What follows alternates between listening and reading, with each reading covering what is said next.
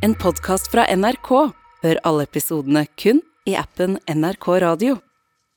Ja, eh, vi har mange spennende spørsmål i dag, har vi. Så det er viktig at vi bruker tida godt, er det. Eh, jeg har forsøkt å fordele spørsmålene etter beste evne, har jeg. Så da gjenstår det å se om det vil funke. Gjør det. Så, ok. Er du trønder, eller?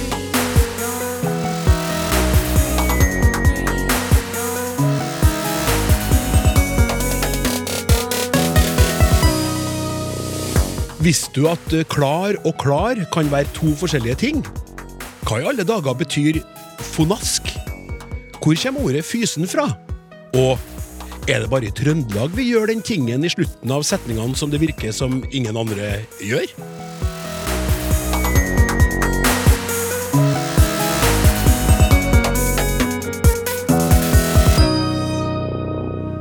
Jeg må starte med en aldri så liten advarsel i dag, kjære lytter. Denne utgaven av Språksnakk vil kunne oppleves å være en smule mer trønderorientert enn vanlig.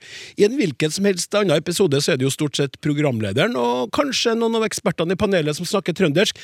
Denne gangen er flere av spørsmålene også knytta til Trøndelag, i alle fall i utgangspunktet. Helt greit, det. Om du er enig med lytter Marit, som i slutten av sin veldig interessante e-post til snakk krøllalfa nrk.no skriver Trøndersk er den koseligste, morsomste og kvikkeste dialekten i Norge. Men om du ikke deler hennes syn, så håper jeg likevel du bærer over med oss. Det Marit tar opp, tror jeg er spennende, uavhengig av hvor du bor. Ønsker du å bidra til programmet, enten gjennom et spørsmål eller et innspill, så kan du da bruke e-postadressen vår, som nettopp ble nevnt, eller sende en SMS med kodeord 'snakk' til 1987. Dagens panel består av to jeg hadde nær sagt veteraner, og en språkforsker som deltar for første gang. Vi starter med de kjente. Vi har med språkforsker Ellen Andenes fra Institutt for språk og litteratur ved NTNU. Velkommen, Ellen. Takk skal du ha. Du, i et intervju med deg i Gemini, et sånt fagblad, er det ikke? Jo. I august i 2005 Oi. så ble du spurt hvilket spørsmål skulle du gjerne hatt svar på. Husker du hva du svarte? Nei, på det, hvilket spørsmål du skulle hatt? Jeg forventer ikke at du skal huske det, altså, men eh, jeg har det her. Fortell meg det. Ja. Hvordan ville kulturen ha sett ut dersom menneskearten hadde enkjønnet formering? Nettopp. Du verden for en undring, for et spørsmål! Kjønnsforsker, vet du. Ja visst! Ja. Hva, hvordan tror du kulturen ville ha sett ut, da? Det er faktisk bortenfor min fantasi. Ja, Rett og slett. bra. Eh, vi har også med oss eh, språkforsker Stian Hårstad fra Institutt for språk og litteratur ved NTNU, altså samme plassen som Helen. Du skrev jo din doktorgradsavhandling i 2010. Stemmer. Så artig å se på deg, Stian.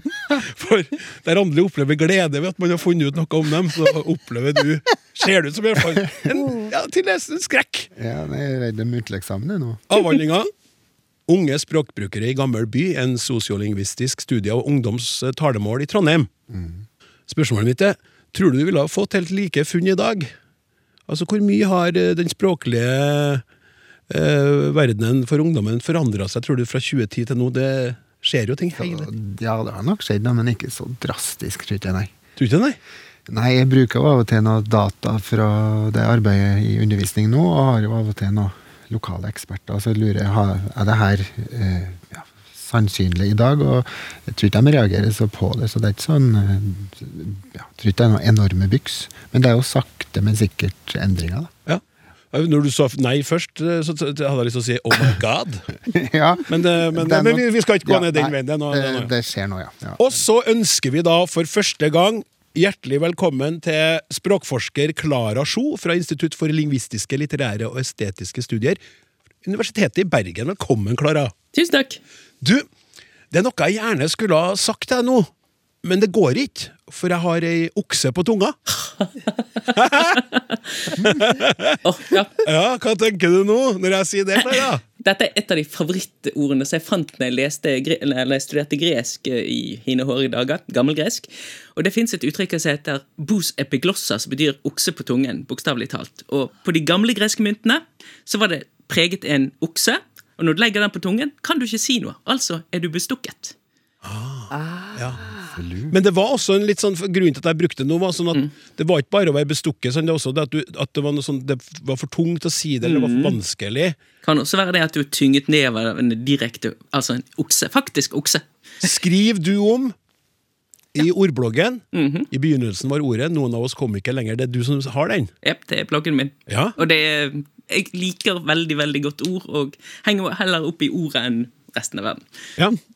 Og så I tillegg så er du da, eh, og det er jo fint når du er så glad i ord, eh, eh, en del av revisjonsprosjektet som Universitetet i Bergen står for når det gjelder ordbøkene våre. Mhm. Ja, Jeg sitter og redigerer ord til vanlig når jeg ikke er her. Vi snakka jo faktisk, vi må si det, og det er egentlig ikke lov til å si sånn på radio, sånn at det vi har nevnt som lytteren ikke får være med på, men vi, vi snakka litt om ord før vi kom på lufta nå.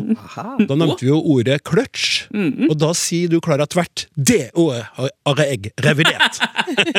du bare husker det. Ja, jeg hadde et strekk på K. Jeg har faktisk hatt flere strekk på K som har vært litt sånn tricky. Eh, Jeg hadde blant annet alle ordene med katt. Det var veldig gøy. Jeg, kattevideoer. Er det bare av katter? Kan man ha kattevideoer av hunder? Store, store problemer.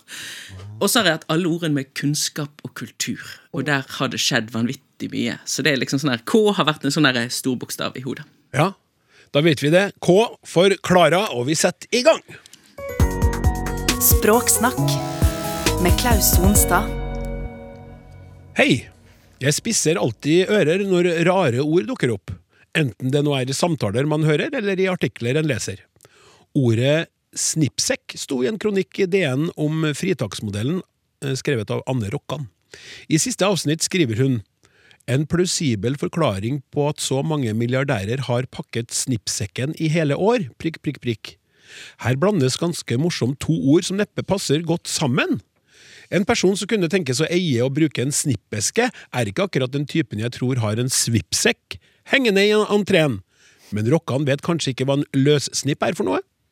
Angående svippturer med dertil hørende svippsekker, å svippe noen brukes i forbindelse med å gi en kjapp lift eller et eller annet sted, eller som i Vil du svippe innom Kari på vei til møte? Vennlig hilsen en forkjølt Anne, står det. Denne e-posten kom for litt siden, så jeg lurer på om hun kanskje har blitt eh, frisk eh, til nå. Vi håper det. Ja, og som tilhører en generasjon som ble rettet på da vi sa skirke eller skjøttkaker, skriver jeg i tillegg, da bare for å ha med det. Ja, Ellen? Pakker du snippesken eller svippsekken, eller hva gjør du? Eller kanskje jeg bare pakker snippen. Ja. Altså, nå skal dere høre. Ja. Først takk altså til den forkjølte innsenderen for et tema som var mer sammensatt og dermed enda morsommere enn jeg først trodde. For her er det flere ord og gjenstander i spill. Vi har esker og sekker, snipper og svippturer, og også skip. Innsenderen tenker altså at de som har snippeske, de har ikke også svippsekk eller svipptursekk, som jeg sier. Det har hun sikkert rett i, fordi at de små, kjekke ryggsekkene der, de kom i bruk lenge etter at snippeskene gikk ut av bruk. Men altså, vi må grave litt. Og jeg advarer, det blir litt langt, men jeg har tatt bort nesten alle de morsomme eksemplene. du, du må få se denne der, det der jeg tenker jeg at var, må begeistre en gjeng studenter som du står foran, og så sier du jeg må advare dere, det blir litt langt, men jeg har tatt bort nesten alle de morsomme eksemplene. Da kjører vi i gang. Altså selvdisiplin. Ja, selvdisiplin. Men da, vi starter med snipp. Hva er nå egentlig en snipp? En snipp er hjørnet eller den spisse enden av et tøystykke. Og i denne sammenhengen så dreier det seg særlig om den slags snipp som er en slags krage på en skjorte. Og brettet på bestemte måter. Nå er de jo sydd fast i skjorta. Jeg ser på dere gutter, dere har fastsydde snipper. Riktig. Og Det norske akademiets ordbok skriver at uttrykket 'å pakke snippsekken' er omdannet fra 'å pakke snippesken'. Ja. Ja. Det er jo den konstruksjonen som vår forkjølte innsender har hatt sånn moro av at hun ville dele den med oss. Og den er faktisk ikke så uvanlig som hun kanskje tror. Blant annet så bruker Vigdis Hjorten i en bok fra 2011 når dagen for soning kommer, pakker hun snippsekken og spaserer fra sin kommunale leilighet til fengselet i Sandefjord. Oi sann. Og da må vi se litt på denne snippesken. Hva er det for noe? Det å pakke snippesken, det er et spøkefullt uttrykk som betyr å pakke sammen og dra sin vei. sant? Og de fleste mennesker som lever nå, de har jo aldri sett noen snippeske. Altså, det er en eske til å oppbevare løse skjortesnipper i. Og da er utgangspunktet at skjorter hadde rund linning øverst. Ja. Ja. Og til dem kunne man feste løssnipper. Altså en slags krage, da. De var oftest hvite og stivet, og gjerne brettet ned på forskjellige måter. Men ikke alltid. De som sto nesten helt rett opp og var veldig høye, de ble jo kalt for fadermordere.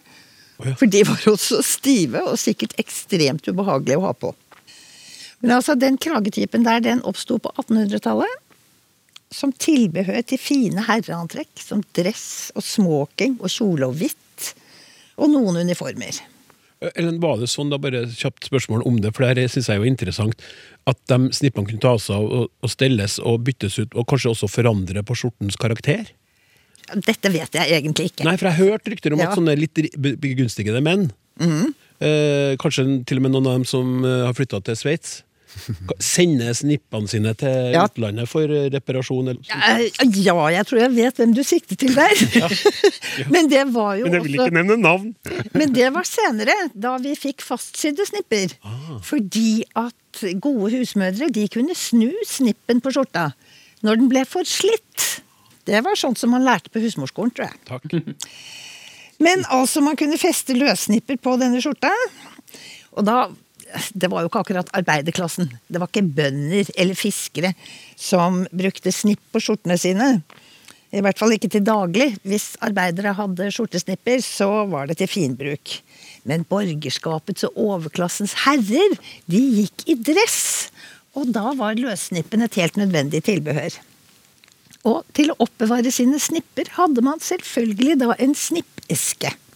Men så, noen tiår ut på 1900-tallet, da ble løse, stive skjortesnipper nesten helt borte. De gikk ut av bruk. De ble erstattet av skjorter med fastsydd krage, sånn som dere har på dere nå. Og det var både mer lettvint og mer behagelig. Men da må man også vaske hele skjorta når snippen var blitt skitten.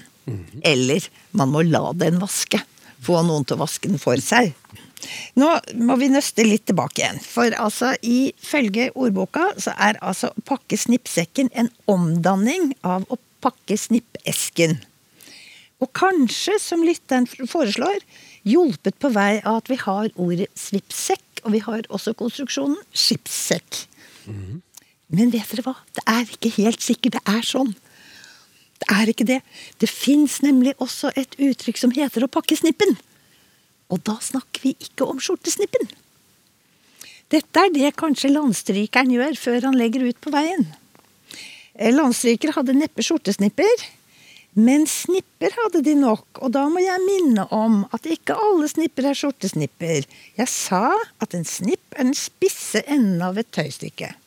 Og av et tøystykke kunne landstrykeren da lage seg en snippsekk. Det som kanskje er mest kjent som knytte. Et knytte. Som var på sånn stang. gjerne. Nettopp! Du ser det for deg, Ja, ikke sant? visst gjør jeg det. det. tegneserier. Ja, og i, i, i den, der, den der svenske Rasmus på loffen. Ja, Nettopp. Rasmus på Loffen! Altså, En snippsekk er altså et sånn bylt som man lager ved å ta et tørkle og så knytte sammen hjørnene. Altså snippene. Et av veldig mange eksempler på denne bruken i Rjukan Arbeiderblad i 2002, eh, hvor deres utsendte restaurantreporter skriver at med snippsekken over skuldra kom Rasmus til fots som loffere flest. Og da tipper jeg at journalisten vet veldig godt hva han gjør når han bruker ordet snippsekk. Det uttrykket med å pakke snippen, det kjente ikke jeg fra før, men jeg kjenner det nå. For på min ferd i Nasjonalbiblioteket da, for lytterne, så fant jeg massevis av eksempler. Hundrevis av eksempler. Særlig i lokalaviser fra forskjellige kanter av landet. Der hvor loffere og landstrykere har vært, sant? De skriver om å pakke snippen og gjøre klart til avreise. Og enda morsommere, syns jeg. Det brukes også i overført betydning. Som f.eks. når en hel avdeling i et helseforetak nok en gang må pakke snippen og relokalisere. Ja. Ja. Mot sin vilje. ja. Så har vi en ting. Etter fem år som kioskdriver om bord på utallige ferger, har May-Britt Eidnes pakka snippsekken og gått i land. Sto det i avisa Hardanger i 1990. Og siden det dreide seg om noen som har gått i land, så skulle man jo ha trodd at det var mer nærliggende å pakke skipssekken. Skipssekken. Ikke sant? For skipssekken har jo tross alt betydd ganske mye mer for ganske mange flere norske mennesker enn snippesken. Men det står altså snippsekken. For å oppsummere nå, da. Helt konkret gjenstander så har vi skipssekker, svippsekker, eventuelt svipptursekker, og faktisk har vi også hatt snippsekker. Og snippsekker og snippesker, og også skipssekker, er knyttet til forskjellige samfunnsklasser og ulike levemåter. Og ikke alle har kommet inn i ordboka. Selv om snippsekker kanskje er like sjeldne nå som snippesker, så lever de altså videre i språket vårt. Der pakker folk både snippesker og snippsekker, eller bare snipper. Akkurat hva de da har i tankene, eller hva de liksom ser for seg, det vet vi jo ikke. Men jeg tror dette er en sak for Det norske akademiets ordbok. En ørliten revisjon. Ah, Ellen, jeg er sjef for det her programmet, og du får bestått på den muntlige oppgaven. Det var veldig bra. Du får bestått pluss, pluss, pluss. Takk skal du ha. Det var lænt. Det var, det var lænt, ja. Det var det. Til tross for at du har tatt bort alle morsomme eksemplene, så var det lænt. Ja, det var det. Ja.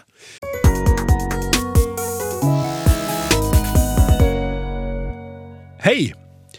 Jeg kommer fra det som tidligere ble kalt Nord-Trøndelag.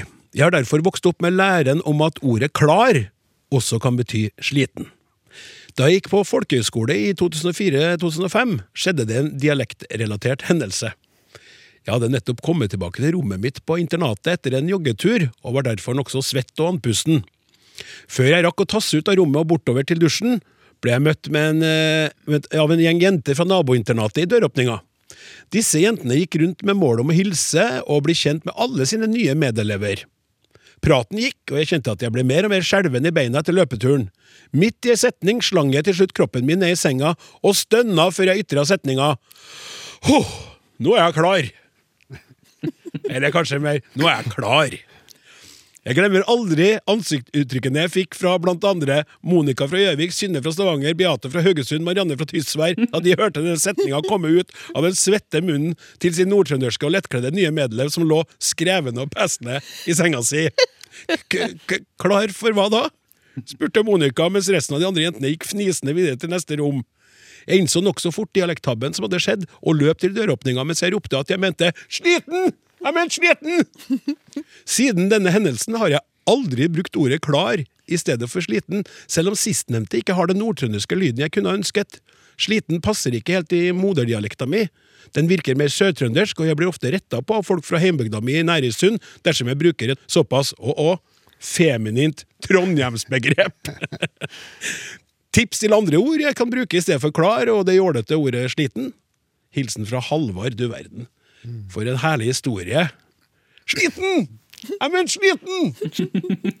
Ja, men du, Stian. Ja. Nå er jeg klar til å høre ditt svar. Ja, ja, ja. Eh, ja, det viser jo at det her er jo et, eh, en fare for noen misforståelser. Det er jo et flertydig ord.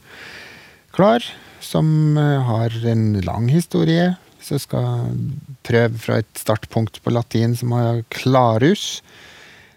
som har kommet til annet norsk, da. Da betydde det nokså noe sånt som blank eller lys eller tydelig, og kanskje mest bruka om tydelig som lyd, sannsynligvis. Det, ja, det er langt tilbake. Det har i hvert fall spredd seg og blitt til både claro i spansk, så det her fins i mange språk. Og kommer på norrønt. Og um, da ble det etter hvert uttalen klår, og mange har det særlig jeg har det, mellom klår og klar. Og da er det klår det eldste. Det har da med ja, klår himmel, klårt vann, den, her, eh, den betydninga. Så har det kommet i en ny runde, sannsynligvis den vanlige mistenkte nedertysk eller engelsk. Og da betyr det her, den her klar, ferdig, gå, altså klar som ferdig, at du er um, rede, parat. Så derfor så har det liksom to lag der òg, som er med å kludre til det enda, enda mer. Så du har både den klart vann og klar himmel, og så har du den klar, ferdig, gå, at du er rede og parat. Og det er jo den som da i tillegg har fått en sidebetydning Akkurat som ferdig, for eksempel, for at du kan bli helt ferdig. Ja, helt den, ferdig, ja. ja. Du er helt Jeg er så klar nå. Utmødd, utpjerka, altså forskjellige grader av uh, gåenhet. Men bare kjapt tilbake, til- for du sa noe jeg synes det var litt fint, bare for å tydeliggjøre det. Du sier klår himmel, ikke sant? Det bruker si du. klår himmel, ja. Og så sier du jeg er klar. Ja. Nå er jeg klar til å gå. ja. Og det Ja. viser de to... Da får du nyanserte allerede. to innlånshistorier. Det ene er altså eldgammelt, som Mm. er fra norrønt, og så har det kommet i runde to. Da, men mange har jo da nettopp klar for begge to, Mm. så der er det enda en klar, eller enda en uh, tvetydighet eller flertydighet. Klar mulighet til for- misforståelser. Absolutt. Og den her moderne, eller nyest klar, da, som er gammel, altså, det er den da som i mange talemål har fått den eh, utmatta trøtt. Og det er ikke faktisk spesielt trøndersk. Det fins eh, i mange talemål, det, men mange vil kanskje gjenkjenne det fra Trøndelag. Det er i hvert fall mye brukt. Og da skjer jo den her eh, mulige misforståelsen. Og den, det fins ganske mange sånne eksempel som det Halvard forteller her, fra diverse historier med mer og mindre frekk undertone om at du er klar. Eh, det fins det trønderskrøna som er basert på hele den misforståelsen der. Ja. For da er du altså klar i den forstand forstand at du er tappa for krefter, at du, at du er sliten. Mens i vitsen så handler det om det helt motsatte. Så er det nettopp det motsatte. Du er parat til det meste. Ja. Eh, Satt eh, og tenkte på det, brakte brakt minner om jeg var med i Spilte i et, et show en gang for mange mange år siden og skulle være en nordlending. Der var det en nordlending med og spilte med meg. Og hun retta på meg hele tida når jeg sa 'Å, hjelpe meg, så klar'. 'Sliten', sa hun sånn. Ja. Er klar. Jeg bare så, hva, er det, hva er det for noe? Vi sier 'sliten'. Så jeg, Hæ, sier dere klar? Det er størst sjanse i Trøndelag for å treffe på at det er den betydninga, men det, det er belagt til nokså altså fra ja, Sognefjorden og nordover, men ikke så konsekvent. Og det, det viser jo at det derfor er nokså mange rom for misforståelser, for det er såpass i i ett og samme samfunn, kanskje i et bysamfunn nordpå, så da må du presisere litt hva det er for slags klar du er. Som Halvard gjorde. Ja, han måtte jo forklare. Men har vi noen tips til ord? ord da? Nei, jeg vet ikke om jeg har noe sånn dagens meny, men eh, utslittig, utmatta, Mhm. eh, det er kanskje sliten, jeg er enig i, for det er litt, det høres litt sånn eh, skriftlig, ja. Ja. Støttende. Hva sier, hva sier du, Klara, som er fra et helt annet sted i landet? Vi bruker det jo ikke sånn her på Vestlandet, eh, selv om jeg sier Klar er jo så navnet mitt, da. Ja, ja. Ville ha sagt kjørt. Ja. Eh, til tross for at jeg faktisk hadde løpt og ikke gått. Eller bilt. ja. Ja. Ellen? Gåen, kanskje. Gåen, ja. Det tror jeg kunne ha sagt på min uh, trondheimstrøndersk. da. Helt gående. nå. Altså, kanskje du fikk ikke så mye hjelp der, Halvor, men det du skal ha Du skal ha stor takk for at du delte denne historien med oss uh, i Språksnakk.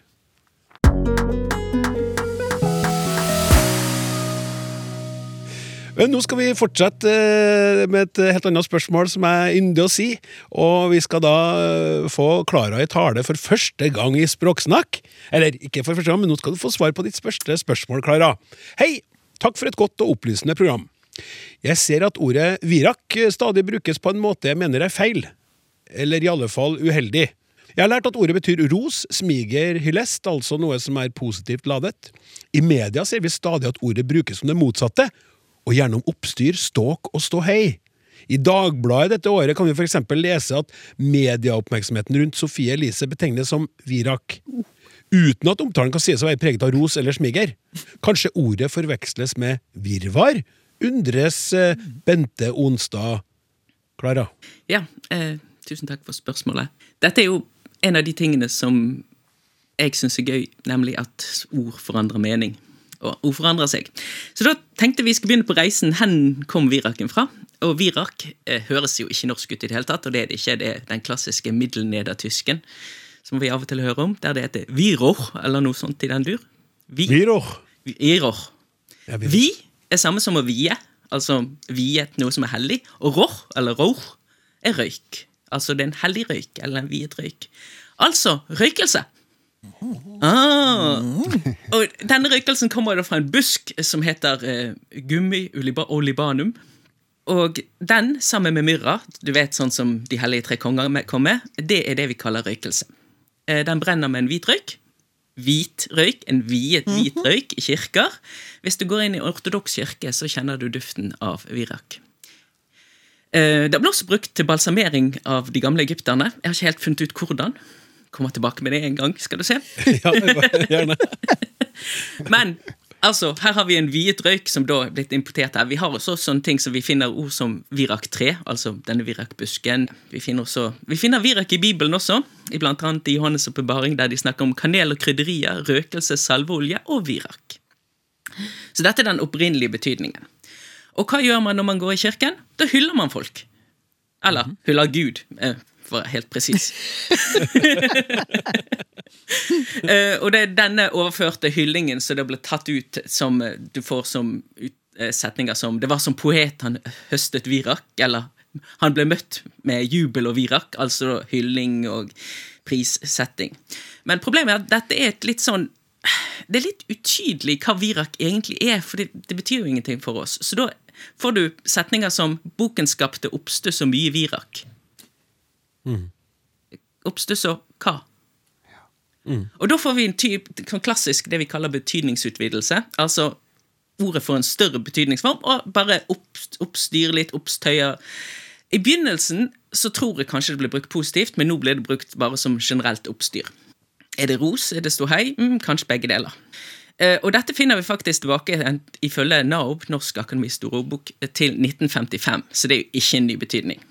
Og Vi har også noen sedler på det i Norsk ordbok fra 1978 om at mm, dette er mindre heldig bruk. Jeg må innrømme at jeg syns at når ting er brukt- blitt brukt fra før min tid, så er det helt ok. Eh, fra, ja, fra busker til eh, opptøyer. Helt naturlig språkvendring. Ja. Bra. Eh, tusen takk skal du ha, eh, Klara. Det betyr altså da at eh, bruken i Dagbladet eh, når, det gjaldt, når det gjaldt Sofie Elise, kunne betegnes som virak. For det var jo masse virak rundt Sofie Elise for ikke så veldig lenge siden. Og det vil sannsynligvis, uten at jeg er noen spåmann, bli det igjen. Ja. Hei, jeg heter August. Min favorittord er 40. Det var en av de første ordene jeg lærte meg når jeg lærte meg norsk. Og det har bare en fin klang.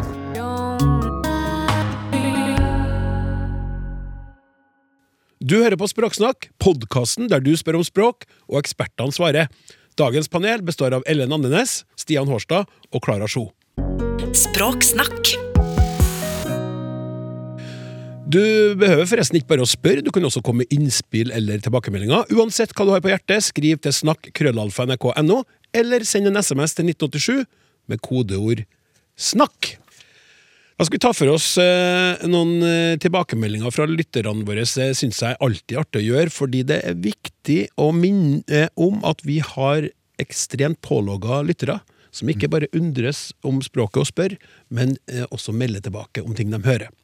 Denne første meldinga fikk jeg faktisk ikke inn via e-post eller SMS, jeg fikk den til meg sjøl på Messenger, for det er ei som jeg kjenner. Jeg syns den var så hyggelig at jeg leste den opp likevel. Hei, Klaus! Hører på deg akkurat nå. Det gjelder språk. Du sa du hadde en attpåklatt. Kommer med et lite innspill. Jeg satt på bussen i dag og møtte Jeg satt på bussen en dag og møtte eh, en gravid kvinne som fortalte at hun skulle få en attpåskatt. Det var vakkert. Jeg, jeg, jeg har kjent at det synes jeg var veldig vakkert, jeg òg. Satt og sa jeg skulle få en attpåskatt. Det, skal jeg- det skal jeg begynne å si. Jeg skal, jeg skal si det. At Max er min attpåskatt. Det var vakkert. Ønsker deg alt godt. Hilsen fra Gro. Og så snakka vi, eh, jeg mener det var sist, om det å måle opp. Altså vi bruker Vi sier det å måle opp fra engelske 'measure up'. Eh, Komme som en sånn anglisisme. Hei! I Språksnakk fikk vi opplysning om en ny anglisisme, 'måle opp'. Det engelske 'measure up' er altså oversatt til å måle opp på norsk. Til måle opp på norsk, Men det går da ikke an! Måle opp har jo allerede en annen betydning på norsk, nemlig måle opp f.eks. ingredienser til kakedeig, stoff, til gardiner etc. Jeg hørte ikke at det ble trukket inn i diskusjonen hvis det ble sagt uten at jeg fulgte godt nok med. Ber jeg om unnskyldning, skriv Synne i Askøy. Det ble ikke sagt, Synne, nå er det sagt for at du sa det. Så skal vi over til en eh, tilbakemelding som handler om uhåndgripelig. Hei, takk for fint program. I Språksnakk søndag 4. mars 2023 klokken 12 til 13 skulle professor meg her og der, Jan, forklare bruken av den vanlige partikkelen da i muntlig tale. Han sa blant annet den partikkelen er også litt uhåndgripelig, for den kan bety veldig mye forskjellig i ulike situasjoner. Mitt spørsmål er, hva betyr uhåndgripelig? Mener han uhåndterlig, eller blander han sammen med uangripelig, eller var det ubegripelig han mente? Vennlig hilsen Tom K. Grimsrud. Tom, det her kan jo ikke jeg svare på, så jeg sendte spørsmålet ditt til Jan, og fikk følgende svar tilbake. Uhåndgripelig er et etablert ord i norsk og står oppført i ordbøkene med betydningen abstrakt, flytende og med synonymet vagt, vag. Det er også oppgitt et teksteksempel, dette abstrakte og uhåndgripelige som kalles tiden. Det er kanskje ikke så hyppig forekommende, men absolutt i vanlig bruk. Jeg har gjort et raskt søk i en stor database av tekster samlet fra internett de siste årene. Det inneholder litt over en milliard ord totalt, og jeg får 1095 treff på ordet uhåndgripelig. Hilsen Jan. Så der fikk du svar fra han du tiltalte, Tom K. Grimsrud.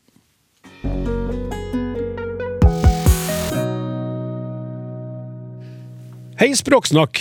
Hører på dere på søndager fordi jeg liker ord og uttrykk, og ikke minst ordspill og metaforer.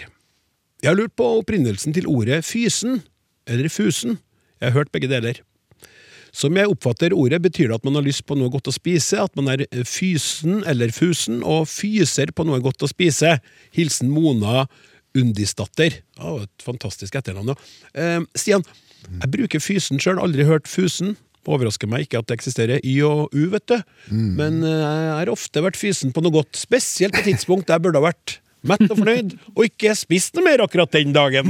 Nei, hadde du klart å undertrykke den følelsen, da? Jeg har klart det også. Jaha, én gang, eller?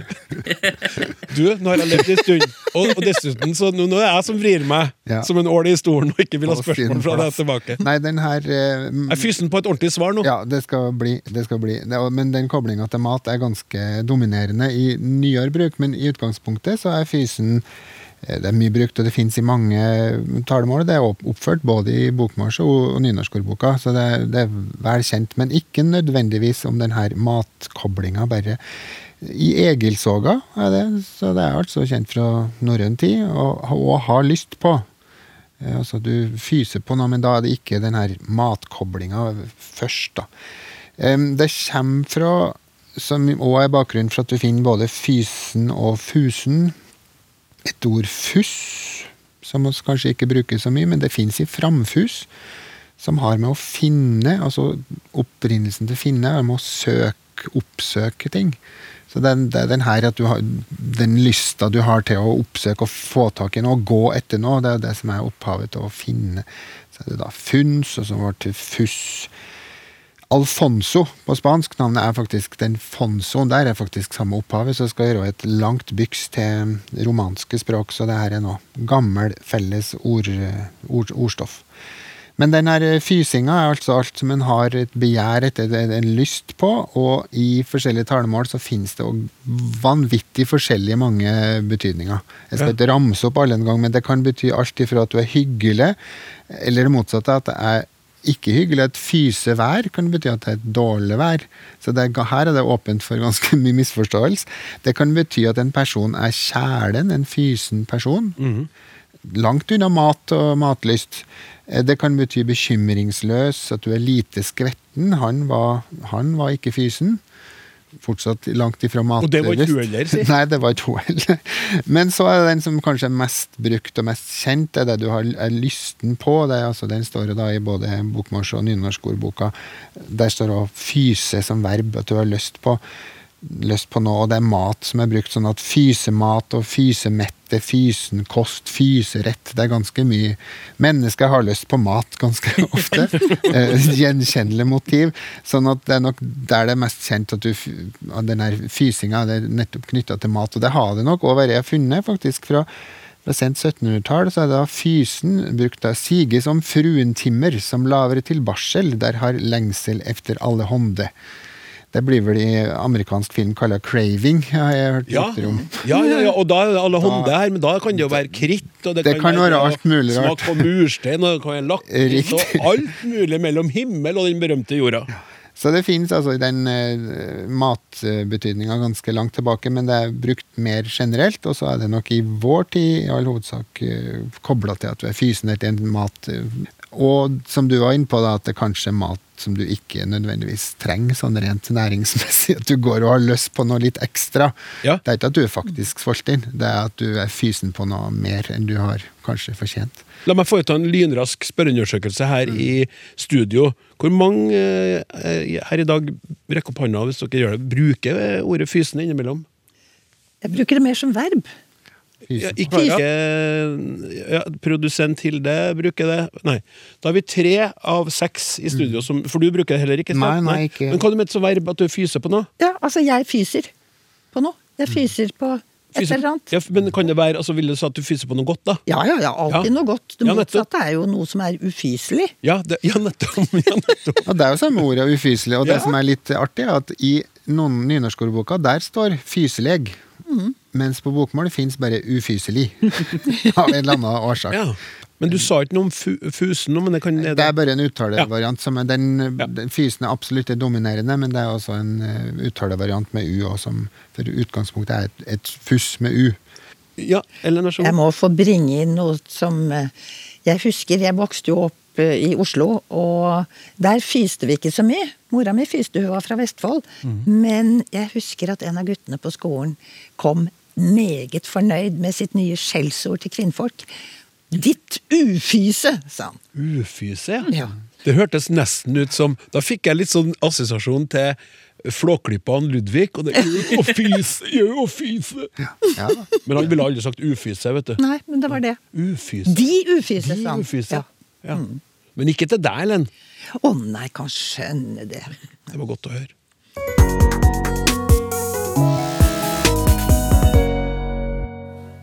Jeg sa jo i starten av sendinga i dag, eh, kjære lytter, at det ville bli litt eh, trøndersk fokus. Eh, da tenkte jeg spesielt på det vi skal boltre oss med nå. Fordi det her syns jeg er spennende. Det er en interessant observasjon, som jeg også har gjort sjøl som trønder, da. Hei, endelig har jeg fått somla meg til å sende inn et spørsmål til Språksnakk. Jeg er egentlig ikke treg, selv om jeg har trønderblod i årene. Mora mi er trønder, men kom til Østlandet som 20-åring og har dermed vært sørafor i 75 år nå. Med årene har trøndersken blitt, trøndersken blitt ganske utvannet, men melodien er der. Jeg elsker det trønderske tonefallet.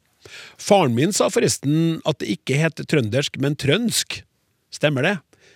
Jeg, jeg, jeg sier trøndersk. Jeg, vi, skal, vi, vi, kan- vi kan komme tilbake til. Og her er trønderspørsmålet mitt. Jeg hørte på et radioprogram hvor en kokk, skråstrek konditor, ble intervjuet. Han var fra Trøndelag. Underveis ble jeg så fascinert av trøndersken hans at jeg begynte å notere.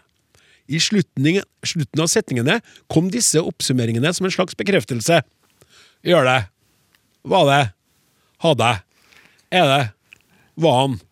Gjorde. Jeg kjente jo igjen disse bekreftelsene, men har aldri hørt dem bli brukt så ofte. Mora mi, som ikke lenger snakker skikkelig trøndersk, bruker det ikke. Andre trøndere bruker det av og til, noen ikke. Du, Klaus, tror jeg ikke bruker det, eller? Nei, vet du, det gjør jeg ikke, men jeg har hørt det, og jeg elsker at du tar det opp. Jeg lurer på om denne måten å snakke på er mer utbredt enkelte steder i Trøndelag, eller om det er mer individuelt. Jeg synes for øvrig det er veldig sjarmerende, og så vidt jeg vet, spesielt for denne dialekten. Eller tar jeg feil? Trøndersk er den koseligste, morsomste og kvikkeste dialekten i Norge, syns jeg. Når jeg kommer til Trondheim og plutselig er omringet av trøndersk, må jeg bare smile. Takk for språksnakk! Marit, oppkalt etter mormor fra Melhus. Ja. Ja. Nei, det der, det får han si. Så nå banka jeg i stolen, for jeg syns det er så artig. Jeg har, lurt på det der. Jeg har tulla med det. Jeg kjenner folk som gjør det. Gjør dem? Ellen, hva tenker du om det? Du er jo Du har bodd her kjempelenge, har du? Det har jeg, vet du. og ja, det har jeg, vet du. Jeg gjør det litt annerledes, jeg, da. Men altså først, dette er jo et talemålsfenomen, og vi skulle helst hatt eksempler i sine naturlige omgivelser. Altså i sammenheng med den samtalen der de forekom. Fordi med bare etterhenget så blir det litt vanskelig å sammenligne med andre talemål. Ja, men sånn som jeg sa i starten, da jeg prøvde meg på en vri som Ja. vakte litt latter altså det, det er jo litt sånn vi har, vi har mye å gjøre for tida, har vi. Ja da. Det var kanskje sånn- litt mange av dem. Ja, det var nettopp det. Var, ja, ja, ja. Unnskyld, da. Og så er det noe når man skal prøve liksom å se hvordan gjør de de andre Ja. strøk av landet. Da trenger man sammenhengen, tror jeg. Ja, enig. Skjønner. Men altså, konstruksjonen er jo veldig velkjent for meg som innvandrer til Trøndelag, og som markant annerledes enn eh, min egen østnorske bakgrunn. Det hører jo med at den også brukes i nekteform. Haite. Vi sitter Eh, og den opptrer vanligvis i, eh, som jeg har registrert, etter en liten pause. Jeg Jeg har grublet en del over akkurat dette, fordi at i jobben min så skal jeg ofte transkribere, altså skrive ned hva folk sier i intervjuer som jeg har gjort, forskningsintervjuer. Og siden det vanligvis er fortrolig materiale, så må jeg skrive på en sånn måte at jeg anonymiserer personene, sånn at de ikke blir gjenkjennbare. Også med hensyn til hvilken dialekt de snakker. Ja. Og samtidig som jeg gjør det, så skal jeg være mest mulig tro mot originalen, og det er viktig å bevare sant, det samtalemessige og muntlige preget. Og når jeg har intervjua trøndere, så har jeg ofte lagt merke til disse etterhengene, for hvordan skal jeg behandle dem? De må vekk! Nettopp fordi de er typisk trønderske. Og jeg har strevd ganske mye med å finne gode måter å erstatte dem på. Altså Selv snakker jeg jo omtrent som ei bok. Og bøker er ikke samtaleaktige på samme måten, da. Men altså, vanligvis så kan jeg fjerne dialektpreg ved å skrive ned ting omtrent sånn som jeg ville sagt dem selv. Og da er min erfaring så langt med disse etterhengte markørene at de er gode eksempler på at det ikke alltid er like lett som det høres ut til. Det derre 'hvordan ville du sagt det selv'? I hvert fall så har jeg ikke klart å finne noen universalløsning. Det har jeg ikke. Hvis vi har eksempel eh, Vi har ullgensere. Har vi. Ja, nå så må jeg si dette på bokmål, da. Eh, hva er det et svar på? Er det et svar på et spørsmål har dere ulljakker? For eksempel. Og så er svaret at eh, nei, de har for så vidt ikke ulljakker, men de har ullgensere. Og i så fall så ville jeg si nei, ikke ulljakker. Og så en liten pause. Men ullgensere har vi. Altså Det er en oppsummering av et informasjonsinnhold, men det er ikke noe mer. Men det er, jo en, det er jo mange forskjellige varianter av den her, som, som også går utover det å svare konkret på Ja. sånn type noen som jeg vet av, da. Den personen sier også noen gang sånn for eksempel 'er det', der det ikke nødvendigvis passer Ja. å si 'er det'. Det kommer som en sånn, akkurat som du sier, pausering, Ja. og så kommer det 'er det'. Uh, og da flirer jeg jo inni meg, fordi Mm. at den 'er det'-en, den passer ikke helt der oppi mitt hode. Men jeg sier jo selvfølgelig ikke noe til vedkommende om det, for jeg elsker jo at vedkommende gjør det. For Jeg syns det er så dialektherlig. Da ville nok jeg ha sagt det er det, eller det er det. Mm. Det ville jeg gjerne ha gjort. Og Stian hadde jo en her i begynnelsen på et svar. Du sa det du skulle si, og, som, og det var litt usikkert. Og så avsluttet du etter en liten pause med 'tru ikke jeg, nei'. Og da, hva ville jeg transkribert det som? Det måtte vært først si det jeg skulle si, og så en liten pause, og så Det tror jeg ikke, altså. Som er Altså, de gjør det samme. Det oppsummerer noe, og det er, har et sånt eh, snev av eh, diskursmarkør, som det kalles på fagsk. Tusen varianter hos ved- ved- vedkommende kokk, eh, konditor. Ja. Eh, Nesten som en sånn at man oppsummerer for seg sjøl òg. Underveis. Er det? Det her er nok ganske individuelt, og at jeg, nå begynner sikkert folk å lytte på alle trøndere de omgås, da, og så blir du kjempeobservant på det. Og det, ofte hvis det er noe som blir tematisert, så blir du hypersensitiv. Akkurat det her har jeg jo merka meg, og det som ikke er sånn bytrønder, eh, mistenker at det er mer eh, trondheimsk enn bygdetrøndersk. Men eh, som det kanskje framgår, så er det her lite utforska i Norge, og våre kollegaer som driver med sånn, skulle ønske seg å ta tak i det, for det er rett og slett Det trengs mer forskning. For det, det er jo et sånn fenomen som du føler herlighet, det er jo innholdsløst, på en måte. Det er jo et sånn fyllstoff, men nettopp som i en sånn som eh, informasjonsstruktur og, og diskursmarkør som skal i hvordan samtale funker, så er det jo åpenbart ikke meningsløst. For det, merker også, det har jo noe å si for hvordan en interaksjon foregår. Folk legger jo merke til det. Jeg har også fått en liten eh, e-post fra Jens som skriver Hei, jeg har noen trøndere i mitt arbeidskollegium som benytter et, uh, særtrønder, en særtrøndersk variant i språket sitt. Gjør dem. Som i min forrige setning henger de på en avslutning som for å understreke betydningen i setningen. Han kommer hjem litt etter midnatt. Skal han? Han kom hjem litt etter midnatt, gjorde han. Vi har ikke noen utestående oppgaver per nå, har vi ikke. Hva er dette, hvor kommer det fra, og er det særtrøndersk, spør han nå. Jeg undret meg på dette en tid, har jeg. Med Vennlig hilsen Jens. Ja, ja. Klara, du, du er i nærheten av å være bergenser. Ja, eh, god, god bergenser. Ja. Har, har dere noen lignende Vi her i Bergen, sant? Vi har jo bare ett sånt etterhengt, sant? Ja. Sant. Eller Ja. sant, som det da skal uttales av de Ja. gode bergenserne. Sant, etterhengt sant, eh, som da på boksk heter ikke sant. Eh, Jeg mistenker at det er en del klasse, sosiolekt. Jeg er relativt gatebergensk i språket mitt, men jeg har ikke etterhengt sant, fordi eh, det er litt for strit for meg. Eh, jeg er tross alt akademiker. Sant? Sant? Men én ting, altså de har jo faktisk en funksjon, fordi at det er forskjellige tagger, altså etterhengte snutter etter hva du vil. Er du, er du, viser du usikkerhet, eller viser du faktisk Understreker du noe? Er du høflig? Det er veldig vanlig. Altså, mm, hvis du er litt sånn usikker, så er det litt sånn høflighet. Eh, Du skal på tur i morgen, skal du ikke? Altså det er jo jeg ville brukt dette. Jeg ville jo også veldig mye brukt når du, eh, Ellen, prøver å si hvordan du ville transkribert det. Jeg ville, ville brukt det som heter setningsadverb. Jo og vel. Altså, ikke ettertenk det, men putte det inn i midten. Du er jo fra Bergen. Nei, dere er jo fra Trondheim. Jo. Ikke, ikke dere. Ja.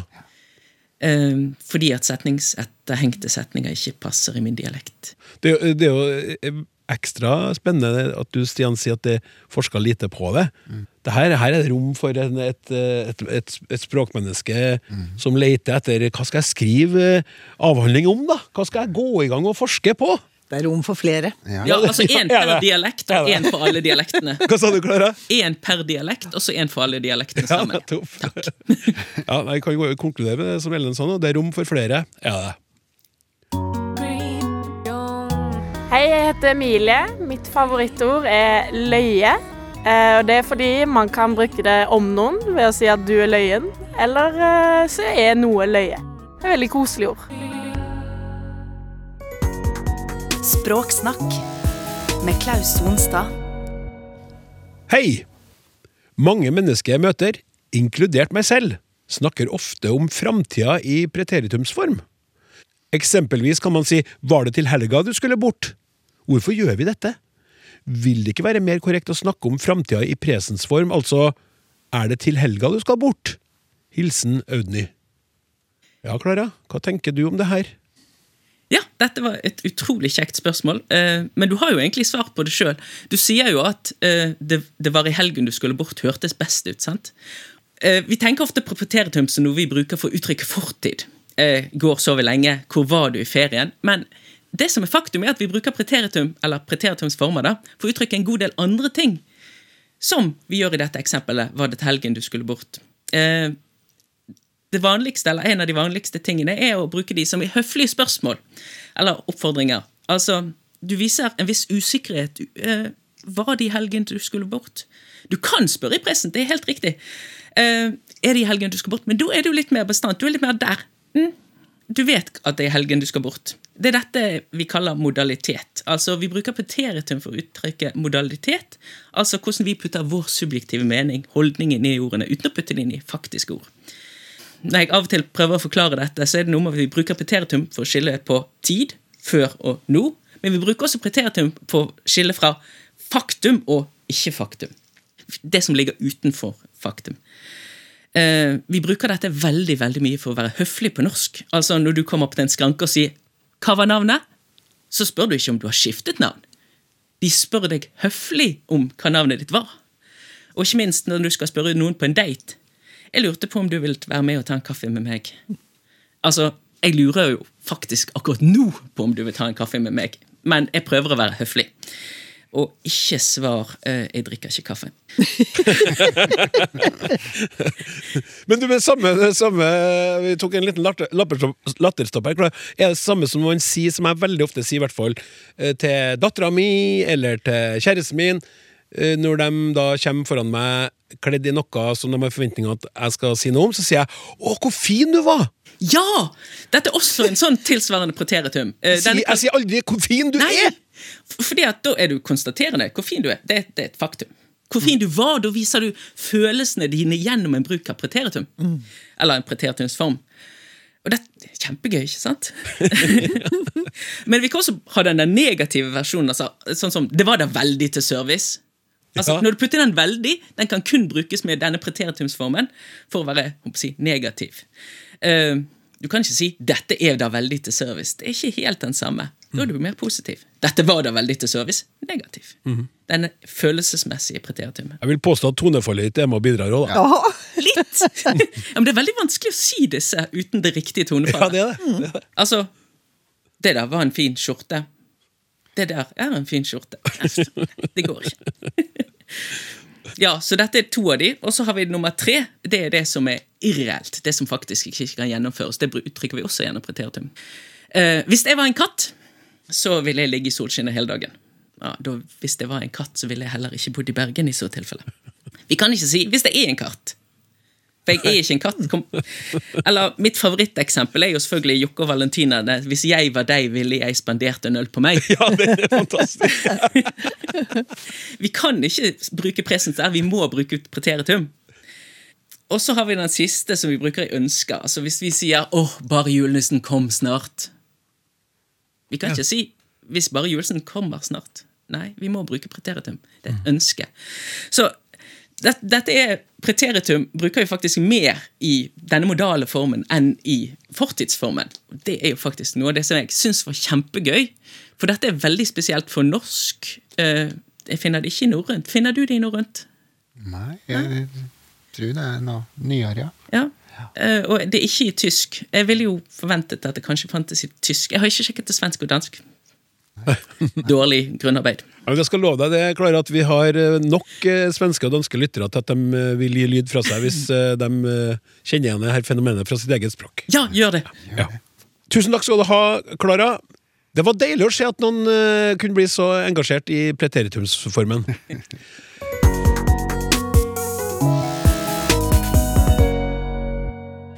Min mor brukte alltid ordet Her er et ord som jeg aldri har hørt før, så jeg vet ikke om jeg sier det rett, eh, Stian. Uff, ja. Fonask når hun ikke ville si hva vi skulle få til middag, mens andre i familien mener det betyr snop eller dessert. Kan de hjelpe? Helsing Liv. Jeg sa, hva sa jeg egentlig nå? Fonask? Hva, hva, hva vil du si? Nei, jeg skulle ønske jeg kunne komme med riktig form. Det er stort sett når jeg får sånne ord og ordhistorie, så har vi nokså mye å hjelpe oss med, å gjøre søk og finne eh, bakgrunn. Det her er kjempeartig, fordi at det er så vanskelig å finne noe om det, men det fins det her ordet. Kanskje jeg skal uttale funask, eller funask. U-u sa du nå? ja, eller fonask. Oh, ja, så det, eh, Fonask. fona, ikke fonask, men fonask. Ja. Ja. Okay, men vi, Det, er litt, eh, det ligger litt i kortet her. ja, men det er nikkes rundt slett, eh, eh, ekspertbordet her, så da sier vi fra nå av fonask eller funask. Ja. Eh, Min mor brukte alltid ordet fonask når Mm. hun ikke ville si hva vi skulle få til middag. Eh, det er den, en bruk som jeg noterte. Og nå klarer jeg å sette på en hel, helt lass med dokumentasjon på ord, men heller ikke i det lasset er det så mye å hente akkurat på det her. Så det, det, det er jo et lite mysterium, og oh, ja. men det er ikke desto mindre kjempeartig. da, det, For det, det fins jo, men det er litt vanskelig å lite og nøste i. og Derfor er det rett og slett også vanskelig å si helt eksakt uttalen, for den har jo litt med hva opphavet er, for at du skal kunne mistenke hvordan uttalen er. Jeg tror Liv er fra Vestlandet, og det er nok eh, midt på Vestlandet det er best eh, belegg for det òg. Og i det materialet som da Klara jobbe med, så er det annet en lapp der det står fra en som heter Ivar Rauboti fra Sogn, Fjærland. Hva ordet rettelig tyder, veit jeg ikke, men det er et ord som folk bruker å si til barn som fregar og spør hva det og det skal være til, og lignende. Døme Hva vil du ha denne kubben til? Svar til funask. I ordet ligger det at en ikke vyrder gjeva noe rettelig svar. Ok. Så det er altså et sånn Det er rett og slett et ord. Er det rett og slett et ord som er lagd for å svare unger et eller annet når ja. de driver og maser om noe de ikke skal bry seg med? da? Det er faktisk det det er lettest å finne belegg for. Ja. Så det er jo et perfekt Og dermed så er det jo, ligger det i kortet at det skal ikke forstås nødvendigvis hva det er, for det skal være et lite mysterium hva du får til svar, da. Ja. Hva er det til middag i dag? Det er f- det er Fånask? Eh, Riktig. Åh, du bare si det? Kan du ikke bare si det, da, mor? Nei, det blir fånask! Ja. Gå ut og leik! Men eh, tre fingre i været, Klara, eh, når Stian snakka om eh, funn i databasen. Ja, vi har tre eh, eksempler på dette i bruk. Eh, med den her eh, damen som Hvem var det som hadde sendt henne inn? Liv. Da har vi fire. Liv. tusen takk, Liv. Nå har vi fire. Ja. dette er veldig sjelden. Det står til og med på en av disse lappene vi har på dette ordet, så står det 'skjeldhøyrt'. Ja. Skjeldhøyt. Skjeldhøyt. Så jeg, jeg hadde aldri hørt skjeldhøyt før, men eh, Altså, det her er få, en av de få gangene vi har opplevd det før i Språksnakk. Uh, at du nesten har blitt sittet fast. Eller vi, Ja, da, jeg- jeg, blir jo stort sett sittet fast hele tida. Men det her er stas. Ja, det er kjempeartig. Og det er og du, du kommer til en slags sånn spekulasjon uansett hvor du går hen, så er det nei, uklart. Og, u- Men det er jo litt som poenget med det svaret, og at det ikke skal kunne forstås. Det er jo prøvd å gjøre noe forsøk på hva kan det komme, og hvordan er det sammensatt. Og det første, første delen er tolka som fu, rumpe. Så det er noe sånn, ja, for fu, mange talemål har forskjellige fo, foa, altså som har, og at det er det som er, for det er jo noe som er liksom kobla til noe som er litt sånn eh, artig, tabu, noe sånt, kanskje. Eh, For det fins en del sammensetninger med, med en FUV, en, en fudalt, en fudott, som er en tufs og en ja, så, det, så det er brukt som sammensetning som ikke nødvendigvis har med kroppsdelen å gjøre, men det er noe litt sånn halvnedsettende, du din fudott. Skitstøvel. Og en fustokk og en fustøyt fins òg, brukt om en som spør oppatt og oppatt. Ja. Hva skal til middag? Ja, det- er vi fram snart? Er vi Riktig. fram snart? Er vi fram snart? Så derfor så er det ikke helt utenkelig at det er den fu-første delen her, da, men det er fortsatt nask. Ja, nei, det, det er et kjempeartig mysterium, og jeg tør ikke å spekulere noe mye mer i det.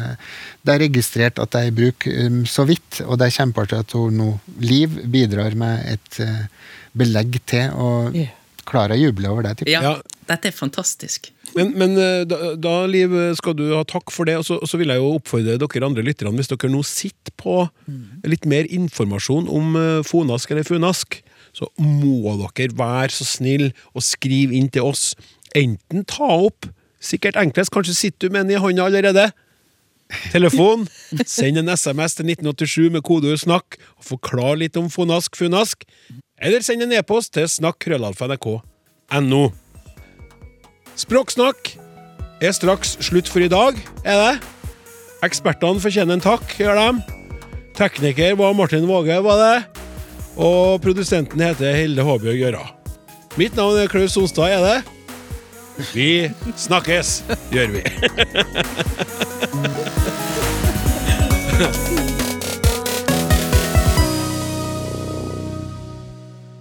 Du har hørt en podkast fra NRK. Hør alle episodene kun i appen NRK Radio.